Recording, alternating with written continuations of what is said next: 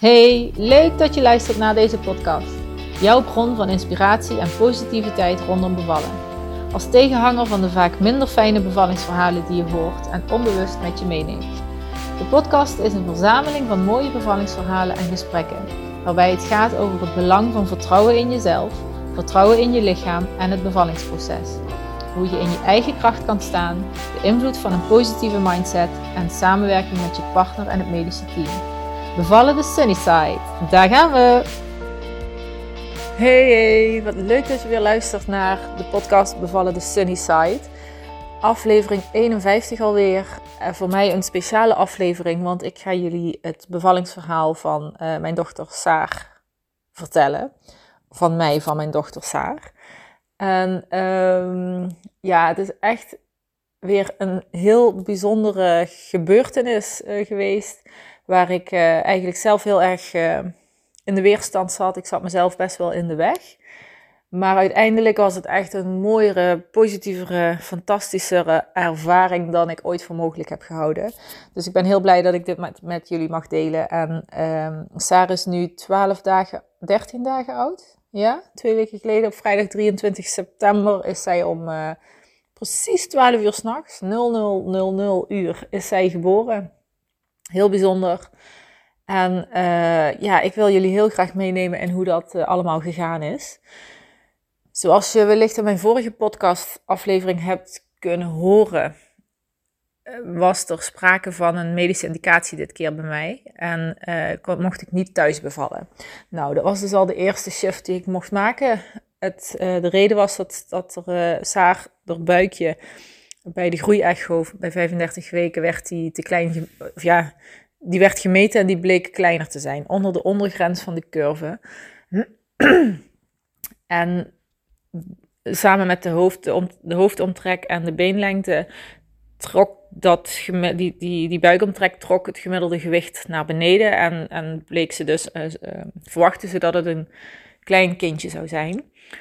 Um, dus dat was eigenlijk al de reden dat ik een medische indicatie kreeg, waar, waarna ik twee weken onder controle was bij de gynaecoloog met meerdere CTG-scans in die weken om het hartje te in de gaten te houden. Dopplermetingen om de navelstreng, pulsering, zeg maar, de werking van de navelstreng in de gaten te houden en gesprekken met de klinisch verloskundige. En als zij na die twee weken een, een, bijvoorbeeld een groeispurt zou hebben doorgemaakt, en die, die metingen uh, allemaal goed zouden zijn geweest, zou ik eventueel weer terug mogen naar de eerste lijn verloskundige. Maar dat was niet het geval. Ik bleef dus uh, ik, die medische indicatie houden. En um, daar heb ik me uiteindelijk ook bij neergelegd. Dat heb ik kunnen accepteren. Daar heb ik dan heel veel tijd voor nodig. Echt wel een paar dagen of zelfs soms wel een week. Omdat ik dan uh, ik zat heel erg tussen mijn gevoel en de wetenschap in. Dus mijn, mijn intuïtie, instinct, of hoe je het ook wil noemen, en de wetenschap, de medische wetenschap, um, dat wat, wat er gemeten wordt. Daar zat ik heel erg tussenin, want voor mijn gevoel had ik, ik had heel erg het gevoel dat ik Saar gewoon heel anders droeg. Dat mijn buik was klein, maar ja, die was bij Lauren ook best wel klein. En de gynaecoloog die ik de eerste keer sprak, die dat heb ik ook heel erg onthouden, dat hij zei van, uh, nou, ik maak me niet zo heel veel zorgen, want je vorige kind uh, was ook wat fijner en kleiner en dat is ook gewoon goed gegaan. Dus ja, waarschijnlijk is dit eenzelfde soort verhaal, alleen ja, die meting wijkt gewoon een beetje af. En, maar ik heb dus onthouden dat hij zei van, ik maak me helemaal niet zo'n zorgen en eh, dat gevoel had ik ook. Maar Rob en ik wilden gewoon niet het risico nemen dat als ze mocht het toch wel echt te klein zijn, want je weet niet of je, of je gevoel gelijk heeft of dat de wetenschap gelijk heeft. Dat, dat, daar zat ik heel erg tussenin, zeg maar, dat gevoel. En wij willen dat risico gewoon niet nemen. Dus uh, ja, die medische indicatie die was er. En ik bleef medisch. Uh, daar, ja, dat was gewoon zo. En uiteindelijk was het ook prima. Elke week had ik dan die metingen. En uh, alles was steeds goed bij 39 weken was de Dopplermeting, dus waarbij ze de navelstreng, de werking van de navelstreng meten, die was afwijkend. En toen kwam het gesprek op inleiden uit. En als ik iets niet wilde, was het inleiden. Want tot die 39 weken was, dat, was daar geen sprake van. Als alles zo zou zijn zoals het was, alles was goed, alle metingen waren goed, dan had ik gewoon mogen wachten tot ze zichzelf aandiende en ik er klaar voor was. En of dat dan 41 weken was, of, of uh, misschien wel tegen de 42 weken, dan had ik gewoon uh, thuis mogen afwachten. Maar omdat die navelstreng afweek, uh, ze zagen dus een soort van lichte vernauwing in de navelstreng ja, hebben ze het gesprek wel op, op de inleiding gebracht. Oh, en dat vond ik heel moeilijk, maar ik had al het gevoel dat het die week ook zou gaan plaatsvinden. Ik wist natuurlijk niet dat die doppelmeting zou afwijken, maar ja, weet je, ik had wel zoiets, ze zullen echt niet... Uh, ik heb een medische indicatie, ze zullen echt niet het woord inleiden niet gaan gebruiken tot, weet ik veel, totdat het gaat beginnen. Ik, ik had zo'n voorgevoel dat dat aan zat te komen en dat was dus ook zo dus ergens was het geen verrassing, maar dan is het wel weer zo, zo koud op mijn dak. Even goed dat ik daar weer helemaal een beetje van slag van, ben. En dat ik denk, oh, ik wil het allemaal niet. Waarom gaat het nu ook zo? En, um, maar goed, een heel fijn gesprek gehad met de klinisch verloskundige. En ze heeft de gynaecoloog er nog bij gehaald. En ja, hij, ja, deze gynaecoloog was wel wat, ja, hoe zeg je dat? Ik kan wat strenger over. En wat als het ja, wat als het helemaal misgaat of wat als over een paar dagen die navelstreng uh, nog meer afwijkt, weet je wel. Dus ja, eh, dat, en dat, ik had nog steeds niet het gevoel dat het, dat het, uh, dat het ernstig was. Maar ja, hij maakte het wel groot. Groter misschien dan dat het was, dat weet ik niet. Maar ik neem ook niemand iets kwalijk hè, van wat er gezegd is. Zij doen hun werk. Zij hebben ook hun eigen rugzak en ervaringen. En um, positief en negatief. Dus ik, ik uh, trek ook niet in, in, twijfel wat dat betreft. En ik vind het ook heel fijn als mensen eerlijk en to the point naar mij zijn, omdat ik daar kan ik uiteindelijk wel weer iets mee. Uh, het gevoelstuk, dat moet ik toch zelf doen. En daar heb, heb, ik gewoon tijd voor nodig, maar dat betekent niet dat ik hun niet serieus neem. Of, uh, maar ook niet, betekent ook niet dat ik dat ik niet kritisch ben. Dus ik heb wel in dat gesprek wat vragen gesteld. En we hebben toen ook het bevalplan doorgenomen, wat overigens echt super uitgebreid is uh, in het ziekenhuis in Roermond. Dat is digitaal, kun je dat bevalplan invullen. En ik was echt verrast met hoe uitgebreid het is. En er stonden ook vragen in, hoe wil je door ons benaderd worden? Wat wil je vooral wel? Uh, zijn er dingen die we niet mogen zeggen of doen? Of... Uh, dat, ik dat heel uitgebreid ingevuld en ook heel uitgebreid heb ik dat doorgenomen met ze.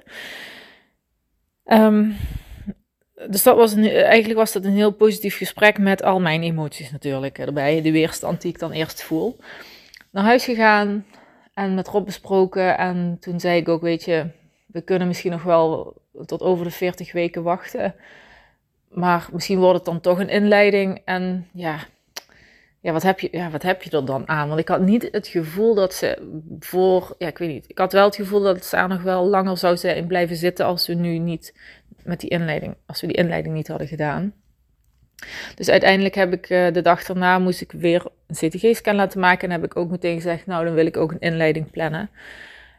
En dat kon dan op woensdag 21 september was de eerste plek, dus dat was drie dagen later. Ja, drie dagen later zoiets.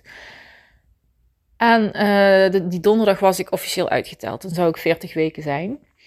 Dus dat nou gepland, gezorgd dat uh, Lauren naar mijn ouders kon. En toen zijn we woensdag 21 september, zijn we, moesten we ons om 9 uur melden in het ziekenhuis. Bij, de, bij het moeder-kindcentrum. En ja, werden we heel prettig ontvangen. En werd er uh, eigenlijk een half uurtje later al of zo, werd er een ballonnetje bij me geplaatst. Een ballonkatheter, dat is een ballonnetje. Dat plaatsen ze in de ja, tussen de baarmoeder, in de baarmoederhals, tussen de wand en de baarmoeder, zodat, het, uh, het, zodat ontsluiting gecreëerd wordt, zeg maar. Daar spuiten ze watervloeistof in. En uh, ja, die, dat ballonnetje laat je dan zitten.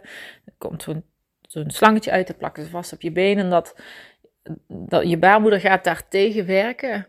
En dat kan ontsluiting creëren, maar het kan ook weeën en uh, weeën creëren en dat het dan al doorzet.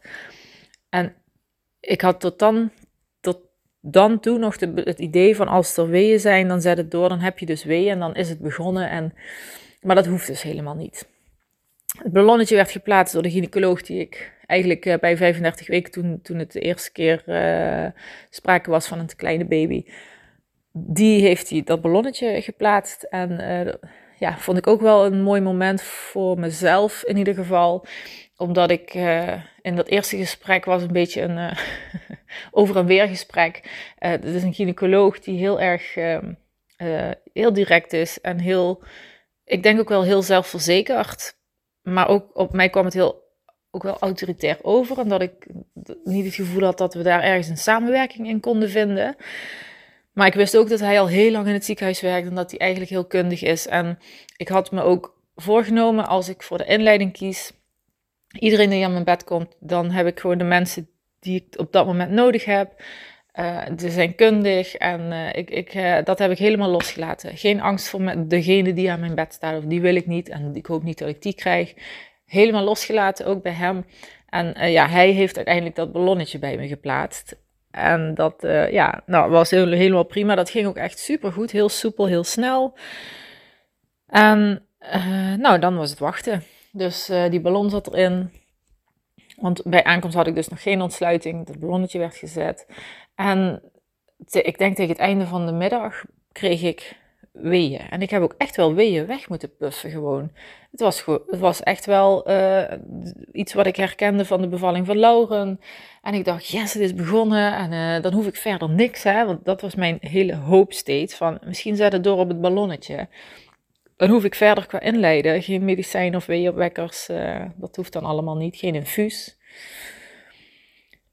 Um, en tegen een uur of tien s'avonds, volgens mij, maar Rob zegt dat het eerder was, maar volgens mij was het tien uur s'avonds, viel dat ballonnetje eruit. Dat is ook de bedoeling uiteindelijk. En um, had ik twee centimeter ontsluiting en de weeën vielen weg. En dat was zo'n teleurstelling, want ik dacht, yes, ik heb weeën en het is begonnen, ja, wat ik net vertelde, vielen die weeën weg. Nou, echt. En de, de verpleegkundige die langskwam, rond het tijdstip, die zei van ja, dat gebeurt toch wel vaker. Dat je het ballonnetje, dat je wel iets van kramp of weeën krijgt, maar dat is meer je baarmoeder die tegen het ballonnetje werkt om het ballonnetje eruit te krijgen. En als het eruit valt, vallen de weeën weg.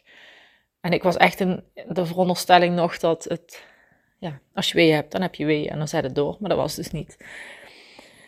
Dus dat was wel eh, ook weer een inzicht. Ik wist dat niet. Uh, maar ik ging heel teleurgesteld de nacht in. Want dan moet je dus wachten tot de volgende dag voor de volgende stappen. En ik heb ook echt heel weinig geslapen. Het was ook een heel raar moment, want we hadden gewoon onze, onze kleren nog aan. We, ik had ook wel iets van nachtspullen bij me, maar we hebben ons niet omgekleed. We hebben gewoon in onze gewone kleren uh, geslapen op bed. Ja, een beetje raar allemaal. Ook niet bedacht van we kunnen ons omkleden of wat dan ook. En nou, die nacht en s ochtends best wel al ja, vermoeid wakker, maar uh, wel fijn dat we s ochtends uh, meteen konden bespreken hoe nu verder. Ik had twee centimeter ontsluiting, dus ze zeiden nou wat we kunnen doen is dat we je een, een pilletje geven, weeopwekkers, een kwartje daarvan. En dan kijken wat dat doet.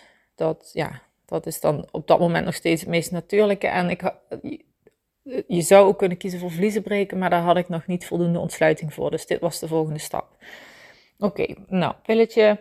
Je mag elke vier uur mag je een kwartje van dat, van dat pilletje. Pilletje.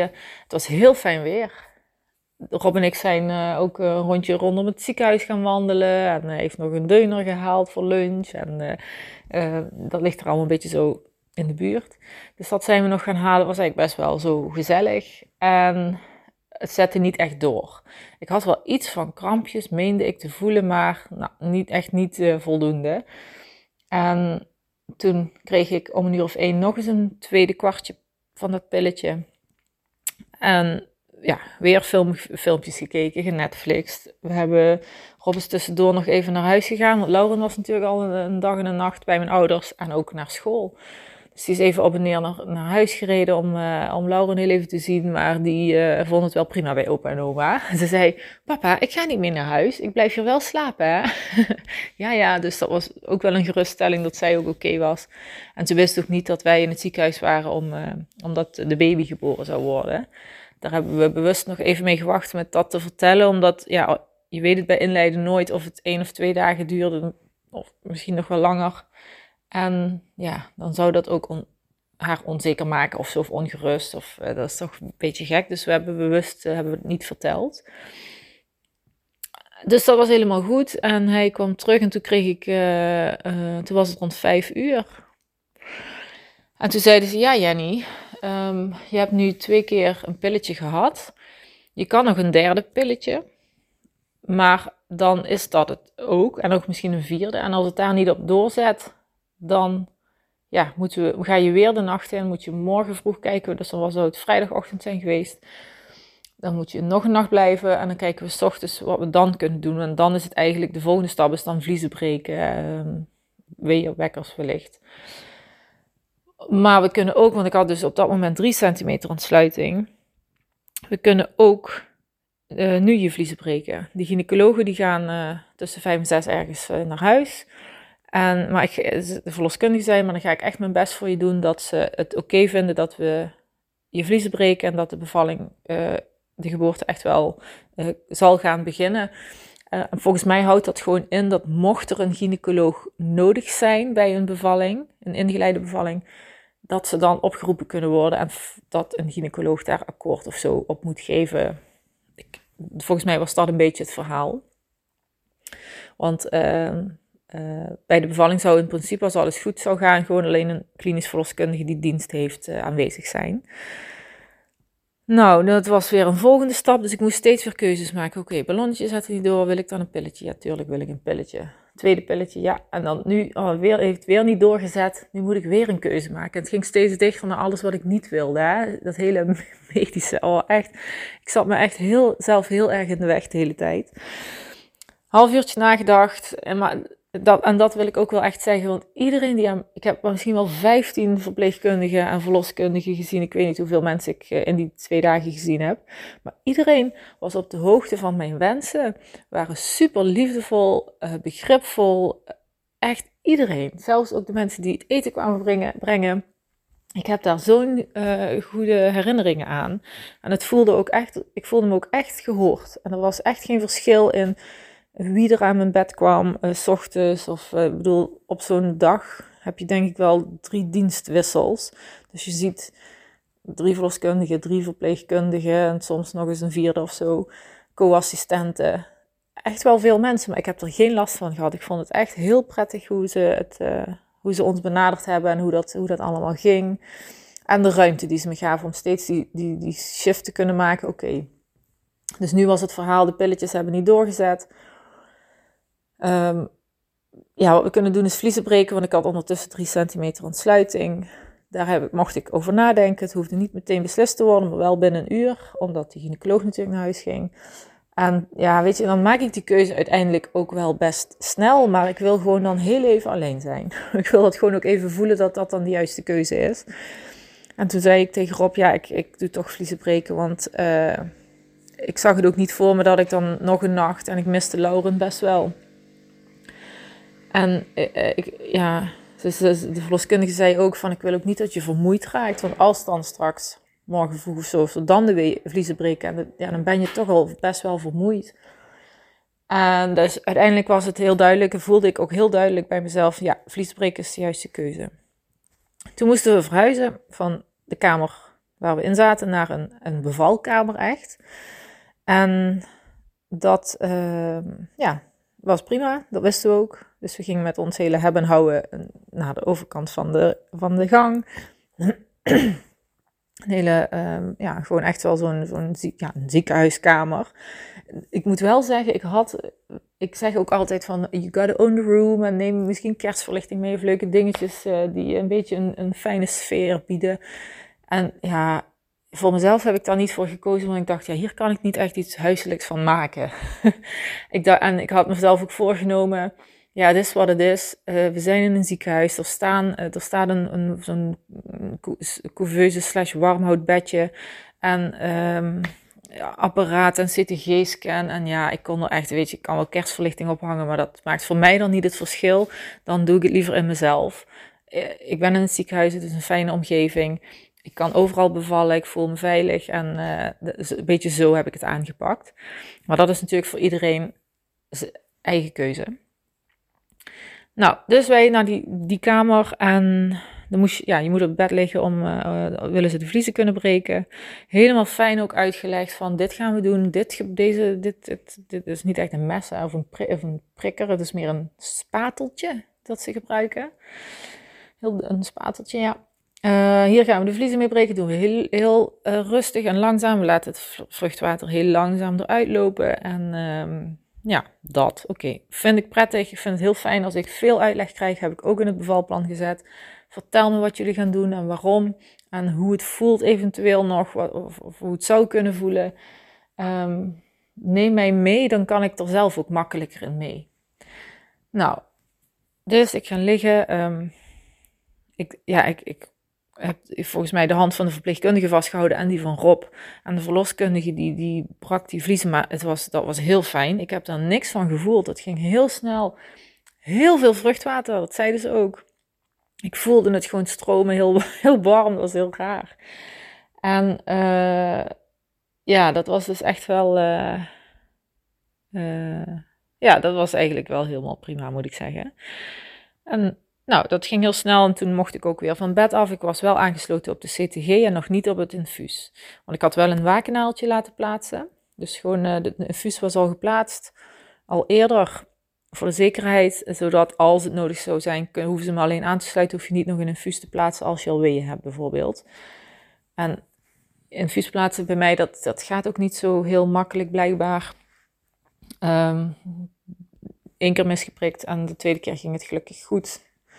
Maar ik vind het gewoon niet fijn, een infuus in mijn arm. Vliezen waren gebroken. Nou, verloskundige. Uh, oh, en dat was ook nog zoiets. ik lag daar en die verloskundige was die vliezen aan het breken. Kwamen ze met het eten langs. Want het was natuurlijk vijf uur en je moet dan s ochtends al bestellen wat je s'avonds wil eten. En ja, die vrouwen zijn gewend om gewoon binnen te lopen, denk ik. Ook in zo'n bevalkamer. En uh, de verpleegkundige en de verloskundige die riepen nog van... Dames, laat maar even, we zijn bezig. En uh, ja, die hoorden dat niet of die begrepen dat niet. Dus die kwamen gewoon met dat dienblad met eten. ja, binnen, zo achter die, die, dat gordijn, zeg maar. En ze zetten die op, op, op het, het, het, aanrecht waar ook dan zo'n wasbak is... zetten ze dat dienblad neer. En nou, maar ik merkte wel dat, ze, dat dat even een dingetje was, zeg maar. Dat de verloskundige en de verpleegkundigen die, diensten, die daarbij waren, zeg maar, bij mij, dat ze zoiets hadden van, ja, waarom luisteren ze nou niet? Of begrijpen ze dat nou niet? We hebben rust nodig, we willen niet gestoord worden. Eigenlijk iets heel belangrijks, uh, ja, als je het hebt over bevallen en, uh, en bijvoorbeeld vliezen breken. Maar ik vond dat wel een grappig moment, uh, eerlijk gezegd. Het heeft mij niet gestoord of zo. Vliezen gebroken, aangesloten op de CTG-scan. Uh, ik kon dus naast het bed blijven staan. Ja, ik had ook echt niet de behoefte om uh, veel te lopen, eerlijk gezegd. Want de weeën kwamen best wel snel op gang. Daarna zetten heel goed door. Waren heel pittig, moet ik wel echt zeggen. Veel pittiger dan bij Lauren. Wat ik me kan herinneren bij Lauren. Want bij Lauren heb ik echt geen. Nee, nee niet, het was gewoon heel, heel goed te doen bij Lauren, die weeën. Maar bij Saar, poeh Nee, die waren echt uh, anders pittig. Heel laag weer onder mijn buik. Dat is wel uh, hetzelfde als bij Lauren. Maar ik moest zo mijn best doen om uh, gefocust te zijn en te weten: oké, dit duurt maar een minuut. En goed puffen en, en wiegen. En ik ging, het enige wat ik kon doen was voorover op bed hangen. Dus ik stond en dan voorover op het bed hangen en wiegen. En, en, en, en mijn adem, ja, puffen. Het was gewoon echt puffen. Ehm, de hypnobirthing ademhaling gebruiken. Totdat die wee weg was. En het ging echt heel goed. Ik had ook echt genoeg weeën. Uh, in het ziekenhuis zien ze dan graag vier weeën per 10 minuten. En die had ik ook wel ongeveer. En toen kwam, na een paar uur kwam de verloskundige de ontsluiting meten. En toen had ik 4, 5 centimeter ontsluiting. En ik begon met 3. En toen zei ze, ja, dat, ja niet, dat vind ik toch echt niet genoeg um, voor, ja, het, is wel belangrijk dat, dat het gaat doorzetten. Dat we, dat we niet de hele nacht bezig zijn. En ja, wat als je vermoeid raakt. En dat vond ik wel even een lastig moment. Want ik had zoiets van: hoezo? We hebben toch alle tijd? Laat me gewoon. Ik, was, ik zat er best wel goed in. Ik, uh, ik, zat niet zo in een bubbel of in een roes zoals bij Lauren. Maar ik had toen wel e-, voor de eerste keer zoiets van: hoezo? ja, waarom zeg je dit? We hebben toch tijd genoeg? we zitten toch niet op de tijd te kijken. En uh, Uh, misschien uh, vordert het straks heel snel. En, en, en ze bedoelde dus, als dit niet doorzet, moet je dus weeënopwekkers, uh, gaan we weeënopwekkers toedienen. En ik was gewoon enorm bang voor een weeënstorm. En, en ik vond de weeën nu al pittig. Ik dacht, ik kan niet meer aan dan dit. Dat was, ik, dat was, de, de, ja, was wel een angstgedachte die ik had. Van, ik kan niet meer aan dan dit kan ik aan. De weeën komen regelmatig. Meer kan ik niet aan. Dus best wel weerstand. En uh, na dat gesprek namen de weeën ook af. Dus de weeën waren er wel, maar niet meer zo regelmatig als dat ze voor dat gesprek kwamen.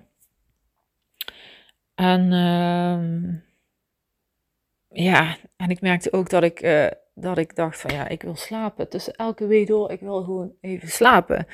Maar ja, dat kan niet. Dat, dat gaat gewoon niet. En liggen, liggend een wee op bed of zo, als je moe bent, wil je wellicht wel wee op bed opvangen. Hè? Op je rug of op een zij, maar dat, dat ging niet. Dat was echt, als ze me de ontsluiting meten, moest ik op bed gaan liggen. En als ik een wee kreeg, nou, ik, kreeg het gewoon niet geregeld. Het was echt uh, zo moeilijk. Um, maar het lukte me wel, hè? want dat is wel, je mind is toch wel krachtiger dan, tenminste in mijn geval was mijn mind krachtiger dan de angst of, um, of de pijn. Of, uh, ik had nooit het idee dat, het, dat ik het niet aan zou kunnen. Maar toen ik op mijn rug op bed lag, was het wel nog moeilijker. Maar ik dacht, nou ja, ik lig hier nu en ik, het moet even. Dus ik doe dat gewoon. No way dat ik uh, pijnstillers of iets wil dat, dat had ik heel erg.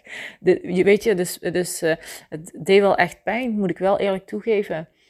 Maar ik, ik had niet het gevoel dat ik in gevaar was of zo, weet je. Het is wel veilige pijn. Je bent niet, ja, snap je wat ik bedoel? Um, ja, ik was niet in gevaar, dus dit, dit hoorde er gewoon bij. Het was gewoon pittig. En ik, ik moest hier gewoon doorheen en ik moest gewoon, gewoon iets meer mijn best doen als bij Lauren. Iets meer focus, iets meer... Uh, ja, mezelf positief toespreken. Dat, uh, dat heb ik gedaan. En Rob was, ja, die, oh, ja, die was ook echt doodmoe. Want hij heeft en op zo'n zo'n bank geslapen die eerste nacht. En hij kon niks doen. Niet echt. Ik, ja, hij heeft me wel uh, gemasseerd of zeg, gekriebeld op de rug. Maar uh, na een tijdje vond ik dat ook niet meer fijn. Uh, ik vond het wel fijn als we even konden, dat ik om hem heen kon hangen, zeg maar. Dat ik even kon knuffelen. Maar ja, dat doe je ook, dat hebben we ook niet heel lang gedaan. Want er kwam er weer een wee en dan moest ik echt focussen op dat bed hangen. Ja. Dus hij, en hij was ook echt wel moe aan het worden. En hij, hij achteraf zei hij ook van, ja, ik had ook echt zoiets, jezus, als dit nog de hele nacht zo door had moeten gaan, weet ja, dan was ik gewoon helemaal doodop geweest. Dus... Um, voordat ik de keuze maakte om vliezen te breken, zeg maar. Dus dat, en dat wist ik toen niet op dat moment. Dus ik ben uiteindelijk echt heel blij dat ik voor vliezen breken gekozen heb. Maar waar was ik? Uh, oh ja, bij dat gesprek, die weeën namen af. Oh ja. En ik wilde dus tussen elke wee door slapen. En het was volgens mij een uur of negen, half tien s'avonds. En ik dacht, ja... Uh, en ik zag de klok, er hing een klok. Oh, en ik wist om half tien komt zij weer, die, verlos, die verloskundige, om te vragen van nou, wat gaan we doen? dus daar was ik ook mee bezig. En ik, ik hoop dan steeds in dat ene uur hoopte ik steeds van, oh, zet nou door, kom nou terug, weet kom nou terug. Maar ik wist gewoon, dit gaat, dat gaat nu niet meer uh, lukken. En misschien was ik mezelf daardoor ook aan het tegenwerken weer. Uh, daar geloof ik natuurlijk ook in. Want het, dat was dan natuurlijk wel weer een soort van angst, waardoor je zou kunnen gaan verkrampen. En dan, dan is er geen ontspanning meer. En geen, eigenlijk ook weinig vertrouwen dat het nog terug zou komen. Nou, dus ik kwam terug om half tien en toen zei ik, nou, ik wil wel weeënopwekkers, maar ik wil geen weeënstorm en ik wil dat je bij me blijft. Dat waren gewoon mijn voorwaarden. Ik zeg, ik wil het wel, maar ik, het is nu al pittig. Ik weet niet of ik het aan kan. En ik wil gewoon dat je erbij bent, dat je ziet als ik het niet trek, dat je kan handelen. Dat was mijn idee. Nou, dat was goed. Ik was de enige die op dat moment aan het bevallen was trouwens. Um, in het, op het moederkindcentrum. Het was best wel druk geweest volgens mij ervoor. En ik heb ook gehoord, nadat ik bevallen ben, is het ook weer heel druk geweest in het ziekenhuis. Maar op dat moment was ik de enige. Dus ze hadden ook gewoon de tijd om lekker bij me te gaan zitten. en uh, het infuus, uh, de waaknaald zat erin, hè, dus het infuus is aangesloten. En ze hebben opgehoogd en dat deden ze dan elke half uur als het, ja, elk half uurtje iets, iets meer erbij. En nou, dat ging eigenlijk ook super goed. Ik was best wel verrast dat ik het, eh, de weeën werden wel wat krachtiger, maar niet zo erg dat ik het niet aankon. Dus steeds, ik moest wel steeds schakelen weer met die focus en nog meer focus en nog meer ehm, ja, weten van uh, dit, is, uh, dit is nodig, weet je wel. ik kan dit en uh, ook het idee, ik wil geen, geen pijnstilling, dus ik, ik, ik moet hier gewoon mee omgaan en ik ben niet in gevaar. Dus het is niet iets waar ik, ja, waar je van, ja, waar je dood aan gaat. Ja, dat klinkt heel stom, maar je bent gewoon niet in gevaar. Dus het is gewoon, een, het is gewoon pijn. Uh, heel intens is het gewoon. En we hebben gekletst over, oké, wat doe jij, waar kom je vandaan? En Rob, wat voor werk je? Dus heel, heel basic uh, koetjes en kalfjes uh. En ik tussendoor steeds een wee en die pufte ik dan weg. En dus heeft drie keer opgehoogd. En toen was het 11 uur s'avonds en toen had zij, ja, was haar dienst voorbij. Om kwart voor elf zegt ze, ja, mijn dienst is voorbij, dus ik ga nu eh, overdragen. Um, ik zeg, ja, maar wat als het nu nog heel lang duurt? En hij zegt, nee, jij kan dit. Jij kan ook gewoon bevallen eh, zo op deze manier in het ziekenhuis. Geen gekke dingen. Je hoeft niet te denken dat het niet gaat. Jij kan dit. Zo, ongeveer zoiets zei ze en toen, ja, toen ging ze. En um, om half twaalf kwam de nachtverloskundige zich voorstellen met een verpleegkundige, de, de nachtverpleegkundige en een co-assistente waar ik akkoord op had gegeven. Want ik heb zoiets, die mensen, die meiden moeten ook leren. En ja, als iedereen, ja, ik, bij Lauren had ik dat, wilde ik dat niet, maar ik had nu zoiets van, ja, een beetje gek als je niemand toelaat. Dan kunnen ze het natuurlijk ook nooit uh, zien. En ik had zoiets van, als ik, als ik weeën heb, dan weet ik wel wat te doen. En dan kan het ook nog een hele positieve uh, ervaring voor ze, of heel leerzaam misschien zijn. Ik had echt zoiets, ik kan ze misschien ook wel iets laten zien wat ze nog niet gezien hebben van bevallingen. En uh, omdat ik wel nog steeds vertrouwen erin had dat ik, dat dit, ja, dat het een mooie bevalling mocht, ging worden. Dat had ik wel nog steeds. Nou, dus die kwam binnen om half twaalf en toen had ik mijn eerste wee met persdrang. Dus nog geen perswee, maar een wee en die eindigde met een persdrang. Dus ik zei tegen haar, oh persdrang. Oké, zegt ze. Doe je ding. Ik ga niet meer meten. Ik ga geen ontsluiting controleren. Ik laat je gewoon. We kijken even, we wachten in ieder geval een paar weken af. Nou, en dat ging als een trein. En, en ik vond het heel fijn dat ze dat zei. Ik dacht, oh gelukkig kan ik gewoon mijn ding doen. Laat me gewoon mijn ding doen. Dan kan ik het wel. En uh, ik voelde Sarah ook zakken ik voelde haar ook zakken. En dat, uh, um, dat was dan wel net voor, die weeën ongeveer. Ik weet het ook niet meer precies. Het is toch soms een beetje een black hole, zeg maar, een zwart gat. Maar ik heb ook momenten gehad dat ik Sarah voelde zakken. En toen dacht ik, yes, dit is goed. Uh, nou, dus toen had ik dus de eerste weeën, die eindigde in persdrang. Mijn ademhaling veranderde ook. Dat, ik, dat je echt van een rustige ademhaling naar een snellere ademhaling wil tijdens een wee. En... Um, dat herkende ik nog van toen bij Lauren. En toen, uh, toen zei ik wel van, ik wil liggen, ik wil niet staan. Dat ging niet, dat ging niet meer. Ik wilde gewoon toch op mijn rug gaan liggen weer. Ook al wist ik dat die weeën dan hef, moeilijker te handelen waren, maar toch had ik daar de, het gevoel dat ik moet liggen. Daar had ik meer rust of zo, of kon ik meer mijn krachten sparen en gebruiken tijdens het persen. Dus gaan liggen. En ik had. Uh, Even kijken, wat stond in het verslag? Volgens mij om eh, een kwart voor twaalf s'avonds had ik persweeën.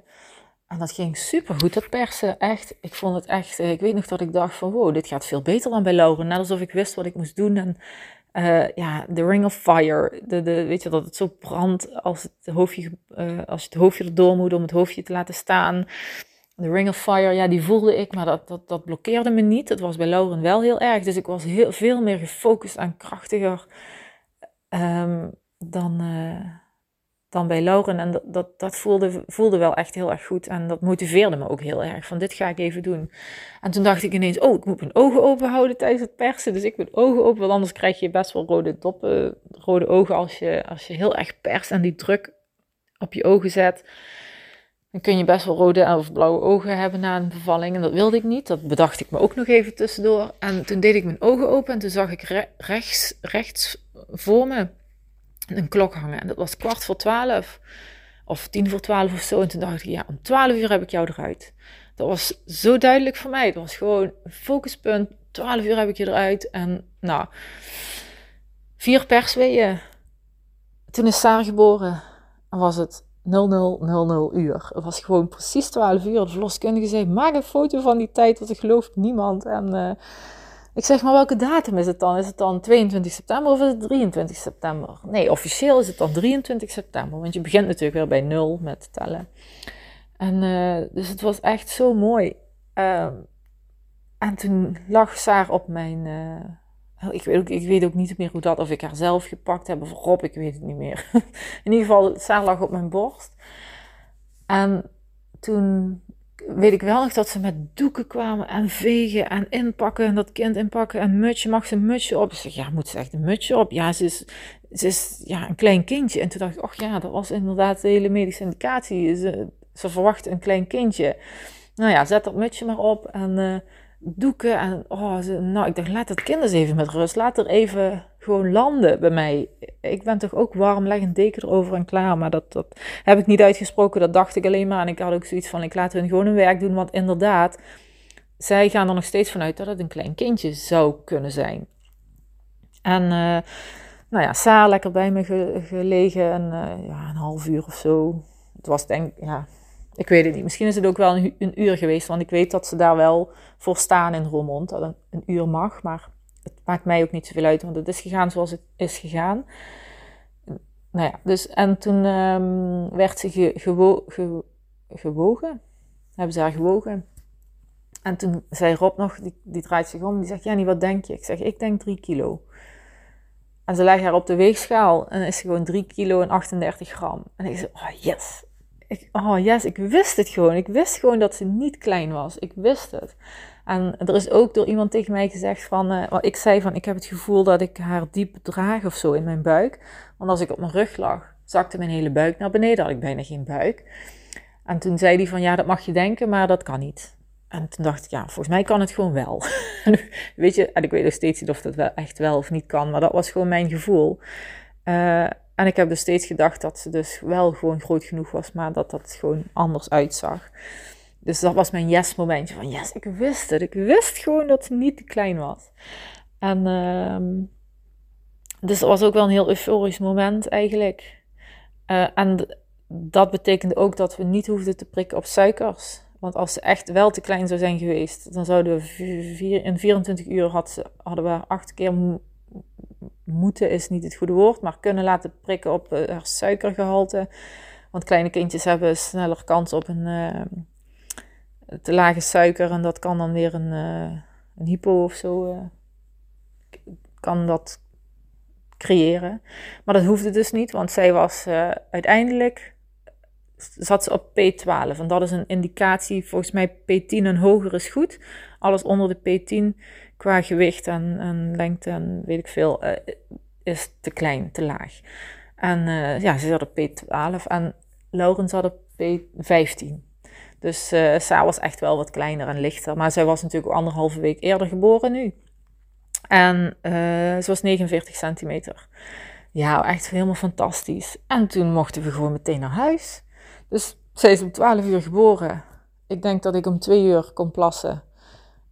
En uh, Saar werd aangekleed. En om drie uur zaten we in de auto naar huis met, in de maxi cozy, s'nachts.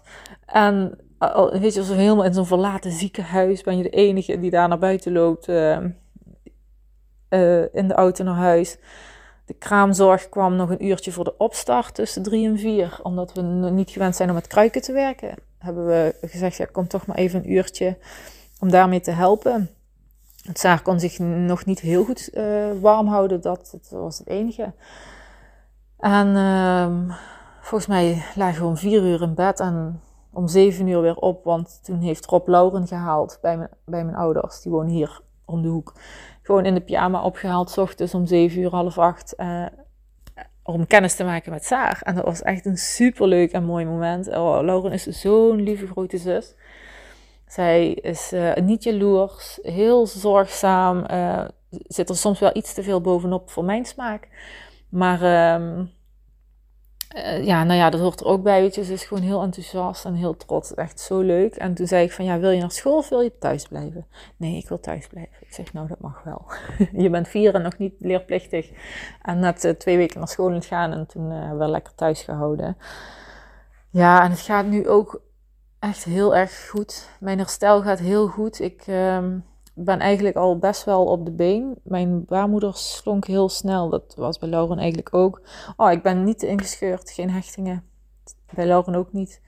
Dus ja, dat, uh, dat is wel echt uh, een voordeel hoor. Ik denk als je hechtingen hebt, dat, dat je herstel dan ook net wat langer kan duren. Uh, mentaal ben ik er beter aan. Lauren, die, bij Lauren had ik heel veel moeite met kraambezoek, hormonen. Ik, vond alles te veel en zwaar. En nu heb ik dat helemaal niet. Ik ben echt heel opgewekt. Ik kan veel hebben. Ik merk wel dat het kraambezoek ook wel langer op zich heeft laten wachten. Ik denk dat ze dat wel nog weten van vorige keer. Van Jenny, die trok dat niet. Dus we geven haar maar even de ruimte. ja, nou vind ik wel heel fijn. En um, ja, en Rob is vandaag, het is donderdag, uh, 13 dagen later zeg maar. Uh, Rob is vandaag weer voor het eerst werken. En ik dacht, mooi, Saar ligt in bed. En dan kan ik even een podcast opnemen. Want ik had eigenlijk al in die eerste week zoiets. Oh, ik wil dit verhaal vertellen. Want het, ik, als ik nu terugkijk op die ziekenhuisbevalling waar ik zo tegen opkeek. Ten eerste al, het bevallen in het ziekenhuis was eerst überhaupt waar ik tegen opkeek. Uh, en toen werd de inleiding besproken. Nou, dat was helemaal dat ik dacht, oh, dit wil ik helemaal niet. En hoe, hoe gaat dat dan? En, en ja, wat voor effect heeft dat op mij en op een kindje? En, maar eh, als ik even resume, is hoe ik benaderd ben door alle gynaecologen, verloskundigen en verpleegkundigen die ik in die weken, eigenlijk van vijf, ja, vijf, in die laatste vijf weken die ik gezien en gesproken heb. En op de, dagen van, op de dag van de inleiding, of die momenten van de inleiding, was iedereen zo op de hoogte uh, van, wat, ik, van wat, wat ik wilde eigenlijk, wat wij wilden. Ja, en begripvol en gaven ze me de ruimte en de tijd en um, gingen ze met me in gesprek en beantwoorden ze al onze vragen. Want Rob had ook vaak best wel vragen. Uh, van hoe, waarom, waarom, weet je echt wel die, die brains vragen. Ik weet niet of je die kent, maar uh, oké, wat, waarom gaan we dit doen? En uh, wat is daar het, het is er, zit er een risico aan vast? Wat als we dat niet doen? Weet je wel, echt wel best wel kritisch was. Die vond ik best fijn eigenlijk. Dus niet zomaar ja, nee zeggen, maar wel even snappen van wat gaat er gebeuren en willen we dat dan? Of willen we dat niet? Maar ja, nee, en dat heeft wel echt het verschil gemaakt hoor. Al die mensen die, ik gezien heb, echt wel 15, dat denk ik echt. Van stagiair tot co-assistent tot uh, verloskundige, um, verpleegkundige. Iedereen heeft, dat maakte echt het verschil. Waardoor ik me op mijn gemak voelde en ook het aandurfde steeds. En die keuze kon maken van, nou, als zij dat voorstellen, dan vertrouw ik erop en dan is dat de beste keuze. En dat uiteindelijk vliezenbreken was ook echt de beste keuze voor mij. Omdat het toen doorzette. Uh, ik was vermoeid raken. Daar hadden ze dus gelijk in. Um, en uiteindelijk is het gewoon heel snel gegaan. Want van vliezenbreken tot geboorte duurde 6, 7 uur. Dus dat. Ik heb nu ook niet het gevoel dat ik 48 uur, een bevalling van 48 uur heb gehad. Nee, helemaal niet. Ik heb een bevalling van 7, 6, 7 uur gehad. Zo, zie ik dat.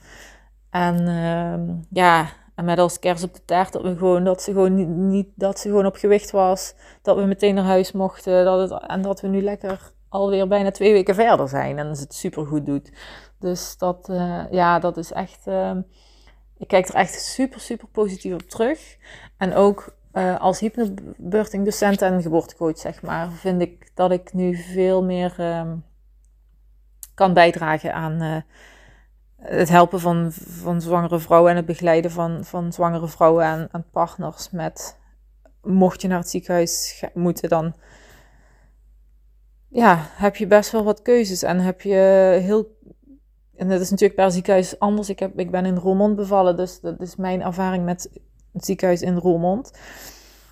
En ja, of dat dan geluk is of niet, weet ik niet. Maar ik, ik uh, kan me niet voorstellen dat het uh, bij anderen dat het, dat het dan anders gaat.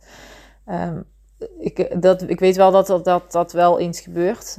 Maar um, over het algemeen zijn de meeste verhalen van het ziekenhuis Roermond uh, zijn positief, wat ik dan hoor. En dat zijn natuurlijk omdat ik hier woon, hoor ik die verhalen ook het meeste. En dan heb ik met andere ziekenhuizen, weet ik dat gewoon ook niet. Maar ik ben hier echt super positief over. En mijn beeld is, uh, van ziekenhuisbevalling en uh, inleiden is echt enorm veranderd. En ook het stukje weeënbekkers.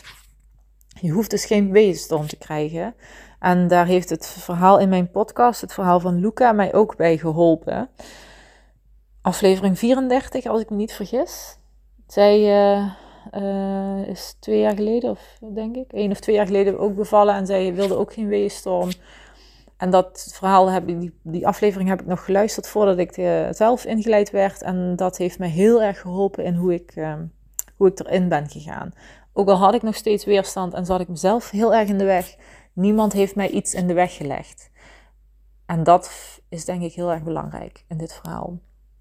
En Rob was ook fantastisch. Die heeft me gesteund en gesupport. En uh, uh, ja, hij voelde zich wel wat machteloos. Vooral toen de weeën begonnen, dat hij echt niks kon doen. Dus dat hij zegt, die zat ik daar aan het film te kijken en jij uh, het harde werk te doen. Ik zeg, ja, maar ja, wat had je anders? Je kan ook echt niks. Ik had ook niks nodig. Ik wilde gewoon dat hij er was. En dat hij een film zat te kijken, ja, dat heb ik niet zo meegekregen. Maar um, ja, nee. Dus dat, nee, het is gewoon fijn dat hij er was. Dus ik ben, uh, als, als iemand van de verpleegkundige of verloskundige dit verhaal hoort, heel erg dankjewel voor jullie uh, support. Dat heeft me heel erg geholpen. Ik ga nog een bedankje sturen, maar mocht je dit luisteren, dan, dan ja, echt, echt, jullie hebben echt het verschil voor mij gemaakt. In ieder geval iemand die heel veel weerstand heeft, had, had tegen inleiden, ziekenhuisbevalling. Um, en, niet dat ik uh, vind dat je een ziekenhuis niet goed of mooi of zo zou had kunnen bevallen. Want dat zeg ik ook altijd. En niets is goed of fout. Je moet, waar je je veilig voelt, daar moet je bevallen. Maar voor mij, was, mij, voor mij persoonlijk was, daar zat daar gewoon best wel wat angst. En uh, die angst is helemaal weggenomen. En ik heb echt een fantastische bevalling gehad. Echt. En ik hoop dat je, als je dit luistert en je moet nog gaan bevallen. En misschien weet je al dat je in het ziekenhuis moet gaan bevallen. Dan hoop ik echt dat je hier ook wat uithaalt voor jezelf. Dat bevallen echt wel heel erg veel mindset is, ook als je ingeleid wordt. Dat probeer het echt allemaal bespreekbaar te maken. Wat je wel wil, wat je niet wil, waar je vragen over hebt, waar je je onzeker over voelt. En dat bij een inleiding niet per se een weeënstorm hoort. Dat heb, ja, dat, ik heb het nu dus van Luca heeft dat zo ervaren. Ik heb het zo ervaren. Maar ik denk dat je dat dus ook mag uitspreken of zo. En dat het, maar goed, dat zal dan ook wel weer per persoon anders zijn. Maar ja, het, het hoeft dus niet. Het hoeft niet. Ik kan niet anders zeggen. En um, ik, hoop, ja, ik hoop en ik weet dat ook jij echt de mooiste bevalling van je leven kan krijgen. Als je, um, ja, als je je daar ook op voor kan bereiden. En dat je ook kan accept, dingen kan loslaten en kan accepteren uh, als het anders gaat. En dat je daar even tijd voor nodig hebt, van tevoren of tijdens het hele proces, is helemaal niet erg. Dat is juist heel erg goed. Want dan ga je ook, dan, dan blijf je dicht bij jezelf en hou je ook de controle. Ik denk dat dat het belangrijkste is. Dat ik het gevoel van controle had, omdat ik tijd kreeg om na te denken en dan zelf een keuze te maken. En ook al was dat dan, eh, ik heb uiteindelijk gewoon volgens mij dat hele protocol gewoon gevolgd. Maar ik, moest, ik had gewoon de tijd nodig om, uh, om daar ja op te kunnen zeggen. Dus dat. Um, ja, ik hoop dat je hier iets voor jezelf uithaalt. Inspiratie. Of gewoon misschien vind je het gewoon leuk om terug te horen dat het uh, zo bij mij gegaan is. Want ik heb heel veel lieve berichtjes gekregen van uh, uh, bekende, oud-klanten. Eh, ik ben heel benieuwd naar je verhaal, naar je podcastaflevering, van hoe het gegaan is. En eh, ja, ze weten wel dat het heel goed is gegaan, maar inhoudelijk is dit dus mijn verhaal. Uh, ja, ik hoop dus echt dat dit uh, ook inspirerend is. Voor mij in ieder geval wel een hele inspirerende ervaring geweest. En ik hoop voor jou ook. Mocht je vragen hebben of wil je ergens iets van support of um, een stukje coaching, bericht me gewoon via Instagram of via WhatsApp. Ik kijk even wat ik voor je kan betekenen nu, omdat we natuurlijk wel pas twee weken verder zijn. En um, eh, maar ik heb al een beetje ritme en structuur erin kunnen brengen bij Saar, omdat ik daar dan ook van ben. Hè? Eh, slaapstructuur, voedingsstructuur. Ik geef flesvoeding en dat uh, maakt het wel wat makkelijker, denk ik. Dus ik kan wel iets voor je betekenen, al is het gewoon via WhatsApp. Laat het me weten. Ik help je graag, want ehm, ja, dit is wel ook een verhaal dat echt wel gedeeld mag worden. En ik, ik gun jou dat ook. Yes, nou, ik wens je een hele fijne dag en uh, tot de volgende aflevering. Doei! Ik hoop dat deze aflevering je heeft geïnspireerd. Neem mee wat je mee wilt nemen, wat bij je past. En laat achter wat je achter wil laten, wat misschien niet helemaal bij je past. Jouw bevalling doet ertoe. Bedankt voor het luisteren. Ik zou het heel leuk vinden als je een screenshot van de aflevering maakt of me tagt op jouw social media, zodat we nog meer mama's positief kunnen inspireren. En uh, ik vind het natuurlijk ook gewoon leuk om te zien wie er luistert. Bedankt en tot de volgende keer.